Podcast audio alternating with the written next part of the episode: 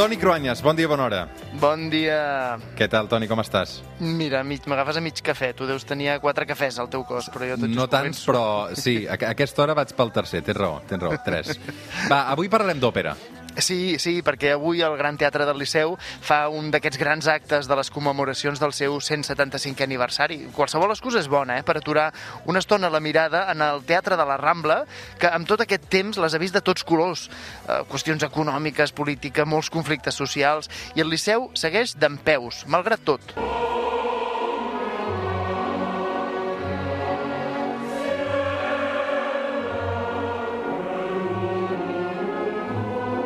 Preciós, Aida, una de les òperes més eh, clàssiques i més celebrades al Liceu. Sí, mira, jo la primera vegada que vaig anar al Liceu va ser per veure precisament Aida, fa, fa molts anys ja, amb l'escenografia més clàssica del mestre Cabanes. Clar, històricament el Liceu ha estat el lloc de trobada de la burgesia, de les classes altes, però precisament per això els d'origen més humils o més normals, diguem, recordem com una gran cosa, com una cosa excepcional aquell dia que vam anar per primera vegada al Liceu. De fet, el Liceu eh, ja va néixer sent el teatre de les classes altes. El nom del Liceu ve del francès, que vol dir acadèmia, lloc d'aprenentatge, i és que inicialment el Liceo Filodramàtico de Montesión es va crear el 1837 prop de l'actual Portal de l'Àngel, com un espai on aprendre música. Els fundadors van ser un batalló de la milícia nacional. De seguida es va rebatejar com a Liceo Filarmónico de Su Majestad la Reina Isabel II. Va créixer, van comprar un local nou i llavors ja va ser a l'antic edifici del convent dels Trinitaris Descalços, que és al centre de la Rambla. I que, de fet, aquí és on, és on continua sent ara el Liceu, no? Eh, si la construcció del local ja va determinar quin tipus de teatre seria, a diferència d'altres ciutats europees on la monarquia es feia càrrec dels teatres d'òpera, a Barcelona la reina Isabel, malgrat que se li va demanar ajut, va dir que no. Per tant, li van treure el seu nom del teatre i van ser els burgesos de l'època els que van finançar-lo. Per això, per exemple, no hi ha una llotja real i en canvi sí que hi ha palcos o llotges i butaques que es van convertir en propietat privada a perpetuïtat de les famílies que havien finançat la construcció del teatre.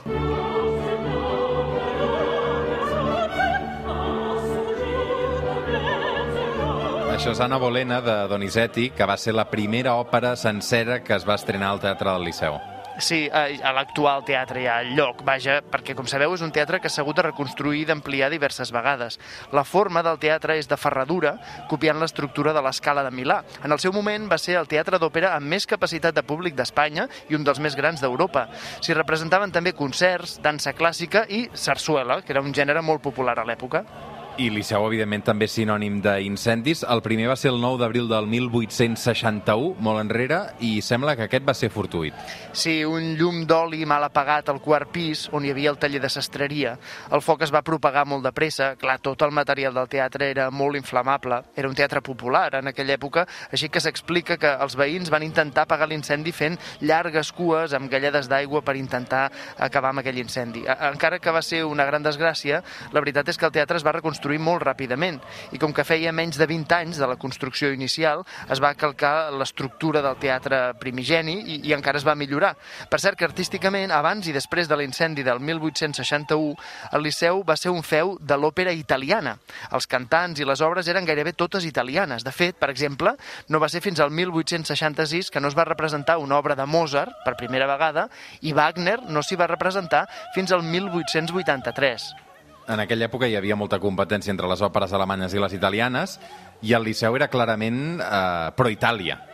Tot té a veure una mica amb la política. De fet, amb la Renaixença i el modernisme es van començar a programar també autors catalans, com Enric Morera o Felip Pedrell, amb textos de Víctor Balaguer i Àngel Guimarà, però precisament la identificació del Liceu amb la burgesia va fer que, en un moment àlgid de conflicte polític, l'anarquisme, el Liceu es va convertir en objectiu de la famosa explosió de la bomba en plena platea la nit del 7 de novembre de 1893.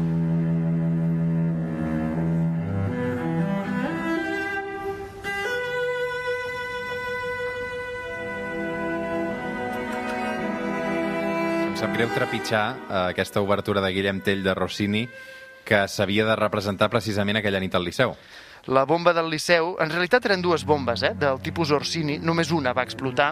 Doncs aquesta bomba va causar una vintena de morts. Allò va causar un trauma a la societat catalana del moment. El Liceu va ser vist, encara més, com un lloc de les classes altes. No va tornar a obrir després ja fins al 1894, en plena guerra a Barcelona entre empresaris i treballadors, anarquistes i propietaris. I fora del que passava fora del teatre, a dins, els socis del Liceu també tenen una guerra pròpia. Sí, mentre el món estava dividit per classes socials, ideologies i s'encaminava cap al que serien les guerres civil i mundials, al Liceu el públic estava dividit entre els partidaris de Wagner i els de Puccini. Això diu molt de l'afició cada cop més arrelada i refinada del públic del Liceu. Les discussions sobre Wagner i Puccini podien ser molt virulentes a l'interior del teatre. És a dir, que el món s'enfonsava i, i ells es discutien sobre si programar eh, italians o alemanys. Sí. D'aquí ja vindríem als últims 50 anys del Liceu, que són els més coneguts per tots. Eh, van associats també a grans noms propis de la nostra lírica. Montserrat Cavaller, Josep Carrera, Maria dels Àngels, Jaume Aragall... I és clar, un fet que és el que desencadena el moment més intens de la història del Liceu, l'incendi del 31 de gener de 1994. Sí, aquest el, el recordem. Jo només tenia 6 anys, però n'he sentit moltíssima parlar. Sí, jo estudiava a la facultat, vam fer treballs de, de, de la facultat de periodisme d'aquella notícia. El que va passar, després s'ha establert ja clarament, és que les guspires d'un bufador dels tècnics que treballaven en el taló d'acer, que precisament és el que ha de protegir el teatre d'un incendi, doncs aquelles guspires van provocar aquest gran incendi. Van trigar 5 anys a reconstruir-lo i és el teatre que coneixem avui.